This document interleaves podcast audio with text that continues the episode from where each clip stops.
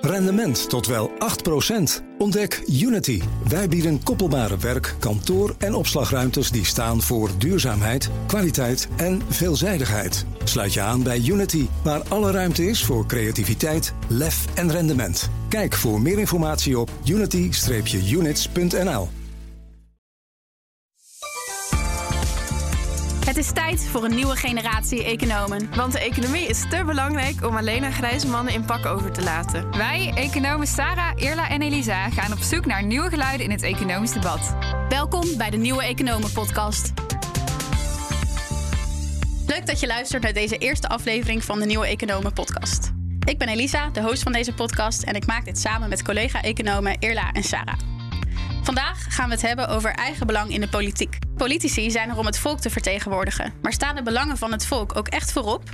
De gast vandaag is Bas Magielsen, die aan de Universiteit van Utrecht onder andere onderzoek doet naar het vermogen van Nederlandse politici. Welkom Bas. Dankjewel. Bas, jij hebt uitgebreid onderzoek gedaan naar het stemgedrag van politici en hun vermogen. Wat heb je precies onderzocht? Uh, ik heb onderzocht of politici met een hoger vermogen minder geneigd zijn om uh, wetten aan te nemen in de Tweede Kamer die uh, een mogelijke impact hebben op hun eigen portemonnee.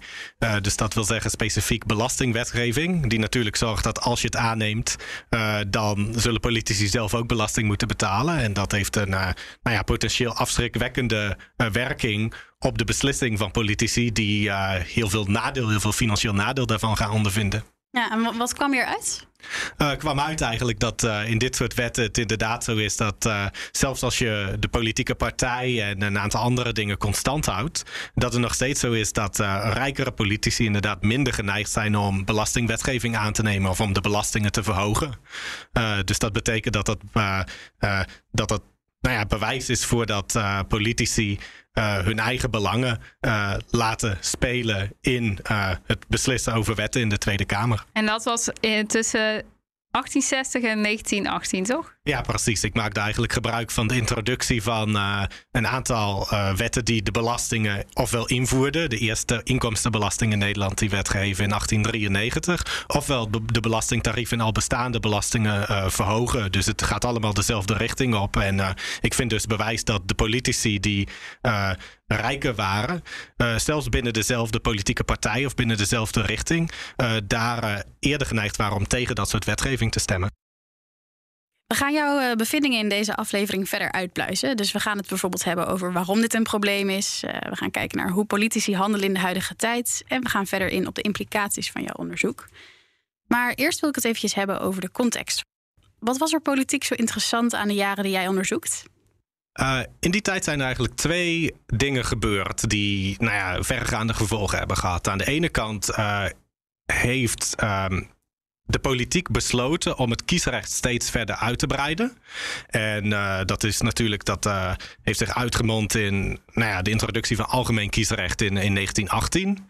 en aan de andere kant is de Nederlandse politiek, en dat geldt eigenlijk niet alleen voor Nederland, maar heel veel landen in Europa, is gebroken met het paradigma dat uh, de staat zijn handen af moest houden van de economie. En dat de staat dus actief is gaan interveneren in de economie, uh, de arbeidsmarkt is gaan reguleren en natuurlijk belasting is gaan heffen. Was er voor 1860 geen belasting?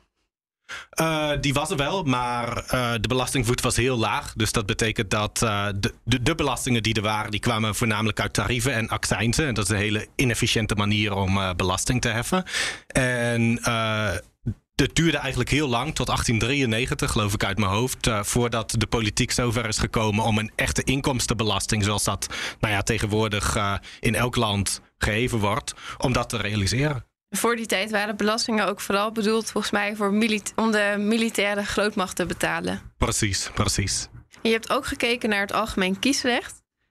waarom maakt vermogen uit bij het stemmen voor het algemeen kiesrecht? Nou, uiteindelijk vind ik dat dat het niet doet. Uh, dus dat wil zeggen dat er geen bewijs is dat politici, dat rijkere politici uh, minder geneigd waren om te stemmen voor algemeen kiesrecht. Maar je zou kunnen zeggen dat uh, politici na een kiesrechtuitbreiding moeten rekening houden met een bredere basis, met een breder electoraat. En dat zou er dus voor kunnen zorgen dat dat hun zou uh, dwingen om uh, meer concessies te doen en de uh, welvaart van het land eerlijker te verdelen.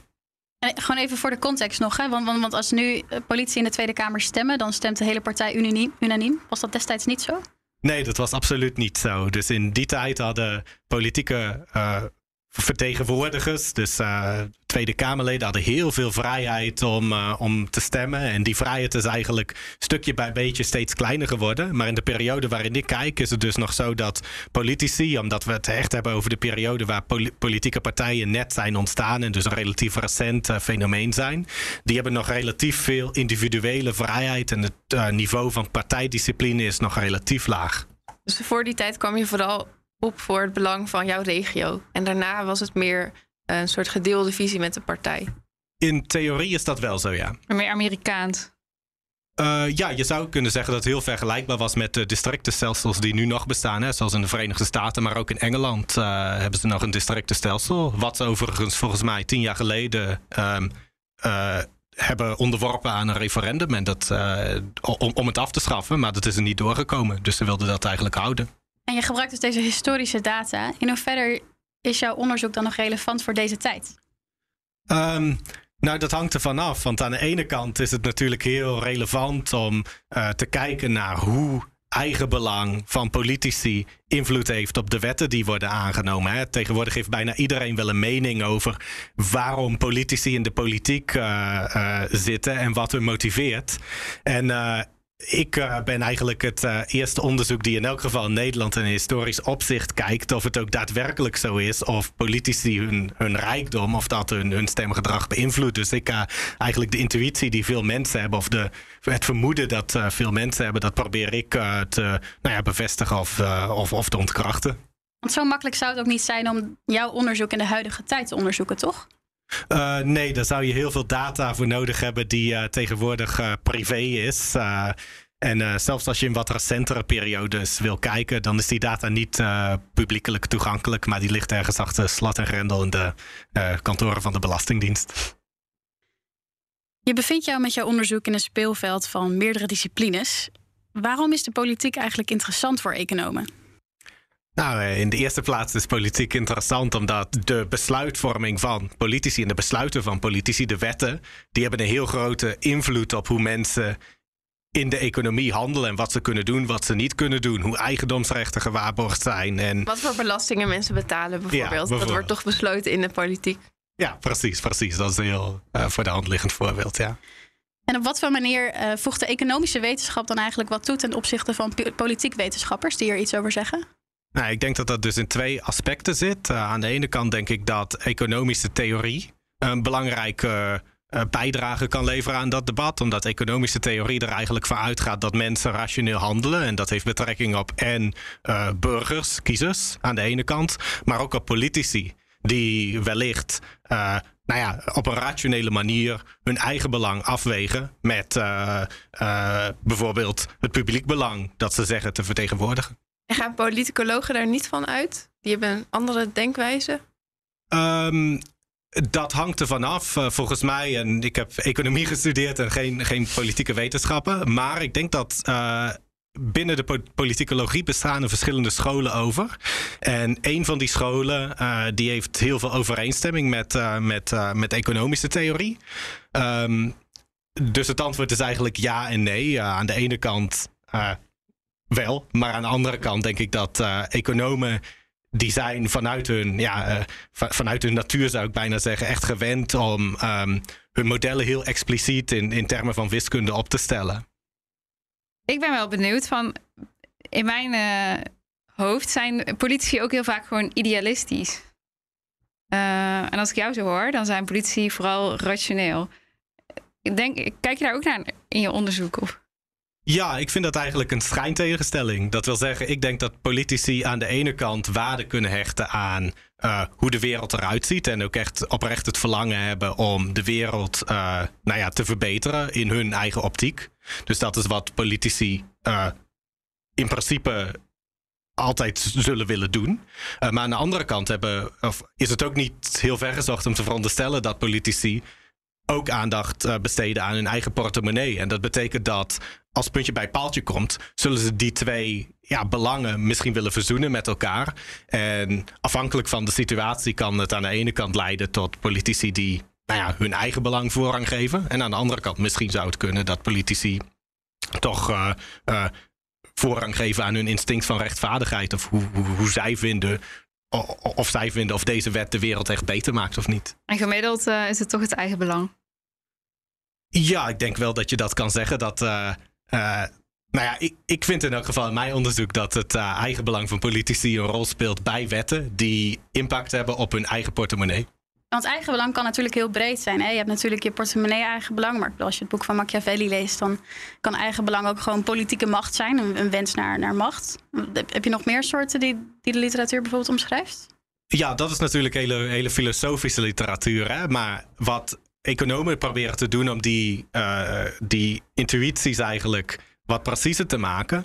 Is zij proberen gewoon te kijken naar, oké, wat, wat wil een politicus nu? En de politicus zou aan de ene kant gewoon nou, heel oppervlakkig dus naar zijn of haar eigen portemonnee kunnen kijken. Maar aan de andere kant ook waarde hechten aan uh, de kans de, of, of aan uh, opnieuw verkozen worden. Dat zouden politici heel belangrijk kunnen vinden. En uh, heel veel nou ja, theoretische modellen, maar ook empirisch onderzoek, die, of dat probeert eigenlijk dan um, te toetsen of het ook echt zo is dat, nou ja, zogenoemd electoraal discipline, dus de dreiging van het electoraat op iemand anders te uh, stemmen als jij iets doet wat het electoraat niet leuk vindt. Of uh, dat niet genoeg is om politici in het gareel te houden. Oké, okay, en naast individuele politici hebben politieke partijen natuurlijk ook hun eigen belangen. Dus die politieke partij wil ook zoveel mogelijk zetels halen bij de volgende verkiezingen. Uh, maar een belang daarbij kan ook zijn dat ze gewoon waardevolle coalities willen maken. Uh, Irla, jij noemde laatst het onderzoek van Wiemar Bolhuis hierover. Ja, en dat is nu ook wel anders, denk ik, dan vroeger omdat we veel meer te maken hebben met partijdiscipline, zoals je nu al zei. En econoom Wiemar Bolhuis die heeft in zijn promotieonderzoek gekeken um, naar de verkiezingsprogramma's en kabinetten van 1986 tot 2017. En die vond dat um, politieke partijen iets anders doen wat ze beloven in hun verkiezingsprogramma's. Dus ze beloven stevig de belastingen voor burgers gaan omlaag. En uh, in de regeerakkoorden blijkt dat tegen te vallen. De lasten voor burgers gaan veel minder omlaag. En de lasten voor bedrijven gaan juist meer omlaag dan in de verkiezingsprogramma's. Want daar win je geen kiezers mee. Maar dat speelt wel een rol bij de onderhandelingen. En hij heeft dit ook nog een keer herhaald voor het recente regeerakkoord. En daar vond hij vooral dat de overheidsuitgaven veel hoger zijn uitgevallen dan in de verkiezingsprogramma's. Wat ook um, ten goede komt aan bedrijven. In hoeverre hebben politici nu nog ruimte om hun eigen belang um, na te zeven? Of is het vooral toch dat politieke belang en dat je te maken hebt met lobbygroepen? Ja, ik denk dat uh, als je de situatie van nu vergelijkt met de situatie van pak een beetje een, eeuw geleden, uh, denk ik dat politici nu veel minder bewegingsvrijheid hebben en dat partijen, dus je zou uh, politieke partijen ook echt kunnen interpreteren als uh, disciplineringsmiddelen om politici niet te opportunistisch, dat wil zeggen in hun eigen belang, te laten handelen. Uh, dat wil zeggen, politieke partijen geven tegenwoordig eigenlijk een soort platform aan nou ja, potentiële kandidaten. En in ruil daarvoor eisen zij uh, een bepaalde mate van discipline en gehoorzaamheid bij het stemmen over, over belangrijke wetsontwerpen. En de mate waarin uh, politieke partijen uh, macht hebben over nou ja, individuele fractieleden, dat heeft natuurlijk ten dele te maken ook met hoe gevoelig het electoraat is om te luisteren naar individuele politici. Hè? Dus in de hedendaagse politiek heb je wel eens af en toe mensen die breken met hun fractie. Ik geloof dat het CDA een paar voorbeelden had. Hè? Pieter Omtzigt, uh, Mona Keizer. En, uh, nou, kortom, je ziet het dus af en toe wel eens. Alleen, uh, het is echt zeldzaam. En het is veel zeldzamer om te zien dat dat, dat mensen afwijken van het partijstandpunt nu, dan als je dat vergelijkt met 100 jaar geleden. Dus stel, ik ben een hele vermogende politici. Dus in het vroege. oh, Stel, ik ben een hele vermogende politicus. Dus in die, dat vroegere tijdperk zou ik dan dus gewoon tegen een wet kunnen stemmen die een vermogensbelasting invoert, bijvoorbeeld. Hoe zou ik dat nu dan aanpakken?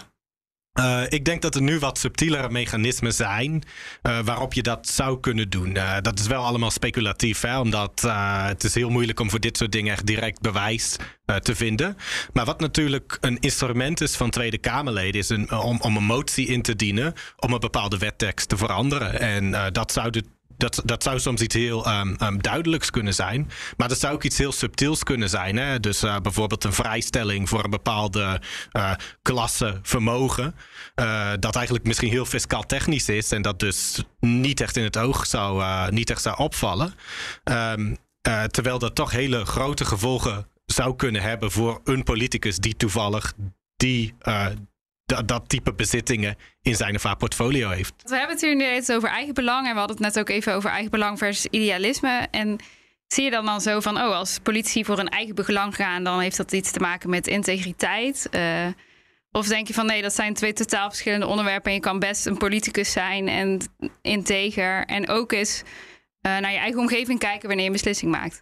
Ja, vind ik eigenlijk een hele moeilijke discussie, omdat dat een, een, een beetje een normatief punt omvat. Hè? Dat, uh, en da, da, daar is in de politiek ook gewoon feitelijk heel lang discussie over geweest. Over wat moet nu de, de positie zijn van het Kamerlid. Moet een Kamerlid eigenlijk een blinde, naïeve, bijna robot zijn die uh, de wensen van zijn haar electoraat vertegenwoordigt? Of moet een Kamerlid misschien iemand zijn die ook zelf autonomie en gewetensvrijheid heeft om soms de keuzes te maken die hij of zij wil maken, ondanks dat het electoraat denkt dat het niet uh, dat, het, dat zijn haar electoraat het niet met, uh, met de politicus eens is. Dat is ja, dat, dat hangt gewoon af van je, van je eigen standpunt. Want je hebt het nu natuurlijk steeds over het vermogen van politici in de geschiedenis, maar hoe mhm. vermogend zijn Nederlandse politici nu eigenlijk? Nou, ik las daarover laatst bij RTL Nieuws dat van de 20 nieuwe ministers 11 ministers twee of meer huizen hebben. Uh, de minister van Economische Zaken, Mickey Adriaanse, heeft er zelfs vier. Je zou kunnen zeggen dat ja, Nederlandse politici wel vermogender zijn dan de samenleving als geheel. Ja, interessant. Uh, ik denk dat als je dat in historisch opzicht bekijkt, dat het absoluut geen uitzondering is. Dus als je, laten we zeggen, de uh, Tweede Kamer of zelfs, zelfs maar de ministersploeg neemt van een kabinet uh, rond, rond 1900, dan ga je ook vinden dat er een, nou ja, een groot deel ministers is met, met vier huizen. Dus wat dat betreft is het, is het zeker geen uitzondering. Um, aan de andere kant uh, vind ik wel in mijn eigen onderzoek dat als je gaat kijken naar hoe rijk de parlementen zijn over tijd, uh, dat parlementen eigenlijk steeds armer worden gemiddeld. Uh, maar als je vervolgens gaat kijken naar de plek van de gemiddelde politicus in de vermogensverdeling in Nederland, dan blijft het eigenlijk nog steeds in de top. Dan blijft de gemiddelde politicus blijft nog steeds in de top zitten.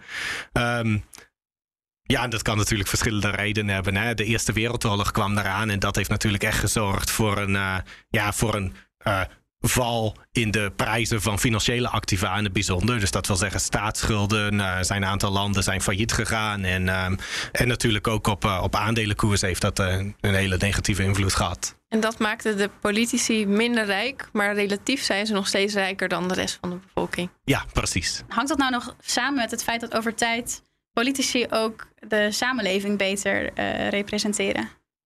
Uh, ja, dat denk ik eigenlijk wel. Dat is ook een hele interessante, omdat als je tegenwoordig kijkt naar de, uh, de karakteristieken van politici en je zet ze af tegen de karakteristieken van uh, de samenleving als geheel, vind je dat er hele grote imbalansen zijn. Hè? En dat was eigenlijk in het einde van de 19e eeuw ook zo. Maar en eh, ik denk dat het gevolg is eigenlijk van successieve kiesrechtuitbreidingen. Dat politieke partijen ook steeds meer impuls kregen om um, mensen uit een. Uh, niet traditioneel politieke achtergrond. Dus dat wil zeggen mensen zonder juridische achtergrond of mensen die niet uit een, uh, uit een heel welgesteld gezin komen, om die ook op de kieslijst te zetten. En dat geldt eigenlijk in het bijzonder voor katholieke en protestantse politici, die dus eigenlijk binnen hun groep heel erg um, aan de ene kant um, vertegenwoordigd werden door nou ja, klassieke aristocraten, maar aan de andere kant door, laten we zeggen, timmermanszonen.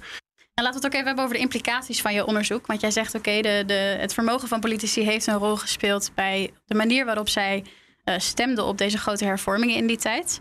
Um, als politici nu nog steeds vrij vermogend zijn, wat betekent dat dan voor de grote hervormingen die er nu aan staan te komen, zoals de woningmarkt, belastingstelsel? En het klimaatbeleid. Ja.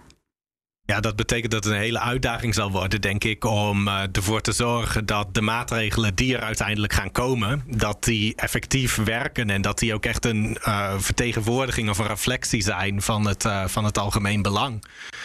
dus dat wil zeggen, uh, ik, ik, ik beweerde net dat politieke partijen gezien kunnen worden als een soort van disciplineringsmiddel om te zorgen dat politici niet al te opportunistisch handelen.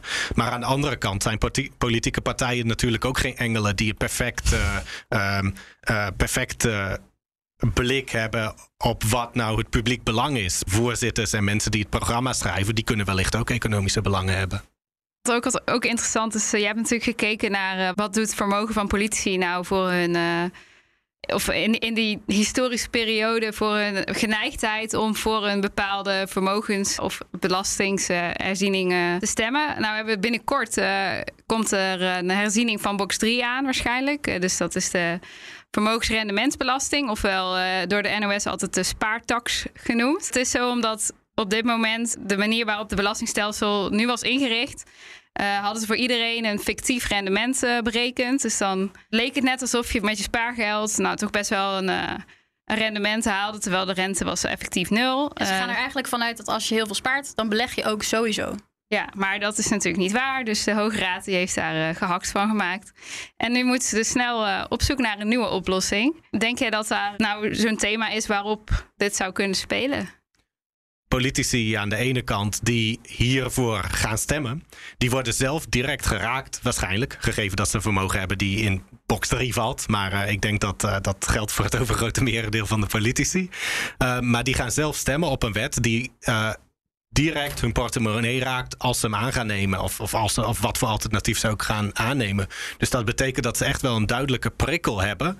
Om, als ze daarom geven tenminste, om iets te doen om te zorgen dat het voor zichzelf uh, zo zacht mogelijk uitvalt. Ook al is dat misschien niet in het algemeen belang. Dan moeten ze wel heel erg idealistisch zijn als ze voor een heffing op het daadwerkelijke vermogen willen stemmen, bijvoorbeeld. Nou ja, aan de ene kant wel. Ja. Aan de andere kant zou het natuurlijk ook kunnen dat uh, politici die al tamelijk arm zijn, uh, die komen niet in box 3 terecht. En die hebben dus geen economische prikkel om te, om te stemmen tegen een hoge belasting. Dus dat is natuurlijk de andere kant van de munt. Hè? Dat aan de ene kant rijke politici die zullen geneigd zijn om er tegen te stemmen. En arme politici die zullen misschien geneigd zijn om ervoor te stemmen. Omdat die, nou ja, uh, er misschien ook wel persoonlijk uh, uh, baten van ondervinden. Dus dat wil zeggen, belastinggeld dat wordt niet weggegooid, dat wordt ergens aan besteed. En arme politici kunnen denken, ja, ik vind het goed als we de wat rijkere mensen gaan belasten en dan krijg ik vervolgens een publieke goederen. Belasting op arbeid kan omlaag, waar economen ook altijd blij mee maar zijn. Misschien vinden rijke mensen dat ook wel belangrijk. Ja, precies, precies. Dat, Natuurlijk is uh, de, de um, afweging tussen ideologie en um, uh, rijkdom die is altijd aanwezig. Dus dat wil zeggen dat rijke mensen kunnen ook een ideologie hebben die niet per se uh, uh, uh, in overeenstemming is met het zichzelf verrijken. Gelukkig maar. ja, precies. Oké, ik denk dat we het probleem nu wel aardig helder hebben. Stel, we willen uh, zorgen dat politici eigenlijk gewoon doen waarvoor ze verkozen zijn. Um, het, het, wordt natuurlijk steeds makkelijker om politici te volgen. Ik volg bijvoorbeeld degene op wie ik heb gestemd in de afgelopen Tweede, tweede Kamerverkiezingen op Instagram. Ik had nooit verwacht dat ik dat zo leuk vond, maar ik kan elke, elke dag zien wat zij doet eigenlijk. En daarnaast heb je ook nog veel meer algemene um, achtergrond accounts of, of, organisaties die eigenlijk zorgen dat, dat, dat beslissingen die in de politiek worden gemaakt heel transparant zijn. Dus je bijvoorbeeld Motiemeter, waarbij je heel makkelijk kan zien in één oogopslag um, wat welke partij en welke motie heeft gestemd. Um, het wordt ons dus super makkelijk gemaakt om politici te monitoren eigenlijk. Um, vinden jullie dit een nuttige ontwikkeling? Eigenlijk hou ik er misschien niet zo van om de parallel te maken. Maar je kunt eigenlijk politici en um, politieke partijen misschien best goed vergelijken met bedrijven en managers. Dus dat wil zeggen, managers hebben andere belangen dan hun uh, aandeelhouders. Namelijk, zij kunnen misschien een mooie auto willen of iets anders. Maar uh, de aandeelhouders van zo'n bedrijf hebben natuurlijk alleen belang om het bedrijf zo efficiënt mogelijk te runnen. Zo is het ook met politieke partijen. Die hebben misschien het. Uh, belang om zoveel mogelijk stemmen te halen en zoveel mogelijk van hun wereldvisie eigenlijk te implementeren. Terwijl politici ook een soort eigen belang hebben. Als een politicus iets doet wat wij niet leuk vinden, dan kunnen we de volgende verkiezing op iemand anders gaan stemmen. En dat is een soort van disciplineringsmanier om de politici die ja, iets gedaan uh, hebben waar wij het niet mee eens zijn, om uh, te zorgen dat dat niet meer gebeurt. Dus dat is nu misschien wel veel makkelijker dan twintig jaar geleden bijvoorbeeld.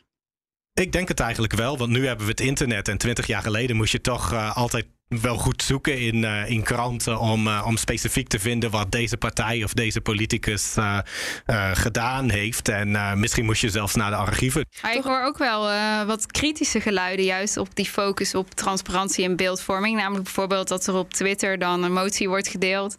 Maar dan wordt niet de hele motie gedeeld, maar alleen de, de stemmen erop. En dan kan je zeggen van, oh, belachelijk. Of, uh, of er wordt een politiek debat, wordt er een klein fragmentje uitge uitgeknipt. En dan, nou goed, dan gaat de discussie uh, heel erg daarover.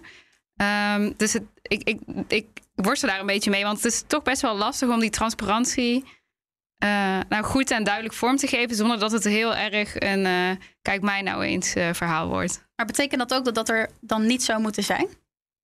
Nou, dat, dat zeg ik niet, maar ik denk wel dat er ook een keerzijde is misschien.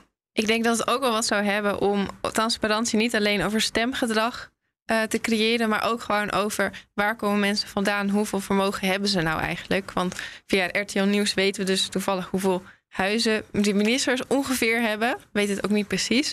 Maar zou je dat niet meer kunnen doen? Dus toch wel, uh, ja, is iemand heel vermogend? Als dat schijnbaar belangrijk is voor iemands stemgedrag, dan zouden kiezers dat wel moeten kunnen weten. Ja, ik denk ook dat dat heel, uh, heel gunstig zou zijn en relatief ook een uh, kleine opoffering van de kant van politici. Uh, dat wil zeggen, in veel andere landen zijn er gewoon wetten die, ja, die voorschrijven eigenlijk dat politici ofwel publiekelijk hun, hun bezittingen declareren en dat, dat die gewoon openbaar inzichtelijk zijn. En aan de andere kant dat politici bijvoorbeeld dat hen verboden wordt om uh, in aandelen te handelen tijdens hun, uh, hun, hun, zitting in het parlement. Uh, dus dat soort maatregelen bestaan. We hebben het er in deze aflevering al heel veel over gehad. En ik snap dat het een heel erg ene kant, andere kant verhaal is. Maar als ik je nu gewoon zo de vraag stel: streven politici nou hun eigen belang of het publieke belang na? Nou, ik denk dat ze vooral het publieke belang nastreven. En dan vooral het publieke, lang, uh, sorry, het publieke belang. Uh, waarvan zij geloven dat het het publieke belang is. Dus ik denk dat uh, als we het vergelijken met de historische casus, dat de politici nu een stuk beter naar het electoraat luisteren dan de politici 100 jaar geleden. En dat komt dus ook ten dele doordat mensen goed op hun politici letten en eigenlijk dus goed zorgen dat politici dat de neuzen van hen en hun, en, en, en hun gekozenen dezelfde richting uh, opwijzen. Dus, dus, er is een effect van eigen belang, maar het is ook wel klein. En het is wel kleiner dan uh, het algemene belang. Ja, dat denk ik eigenlijk wel, ja. Dat is wel goed nieuws voor ons. Ja, ja zeker. Um, zou je zelf eigenlijk overwegen om de politiek in te gaan?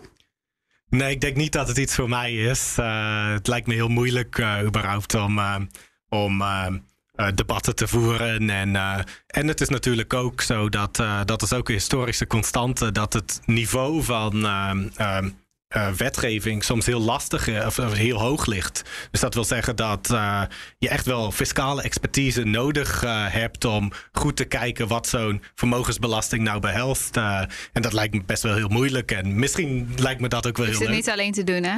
Als nee, precies, is. precies, precies. Nee, maar het lijkt me vooral heel moeilijk en heel hectisch. Dus ik ga liever iets anders proberen. Ik zou het wel heel leuk vinden om uh, heel veel onderzoek te doen naar, uh, naar de politieke wereld en politici en hun handelen. Ja, heb je nog iets specifieks in gedachten? Uh, ja, eigenlijk wel. Ik heb um, een paper in de stijger zitten dat onderzoek doet naar de invloed van stakingen op het stemgedrag van politici en op electoraten. Wat denk je te vinden? Um, ik denk dat uh, stakingen ook een soort van disciplinerende rol hebben op het stemgedrag van politici. Dus dat die zeg maar de hete adem van. Uh, ik ik, ik doe, doe, het weer in een historische setting. Hè? Dus dat die zeg maar de hete adem van revolutie in hun nek uh, voelen. En dat ze daardoor toch hun positie. dat ze misschien meer geneigd zijn om wat concessies te doen naar, naar ja, de gemiddelde belanghebbende, dus het gemiddelde electoraat. Laten wij economen dan toch maar eens gaan staken voor een vermogensrendementsheffing. Dat was hem dan, de eerste aflevering van de Nieuwe Economen podcast, waarin we de inzichten van jonge economen met je delen. De volgende keer hebben we Ernst Jan de Bruin te gast, die ons meer gaat vertellen over zijn onderzoek naar lage inkomens en regeldruk. Tot dan!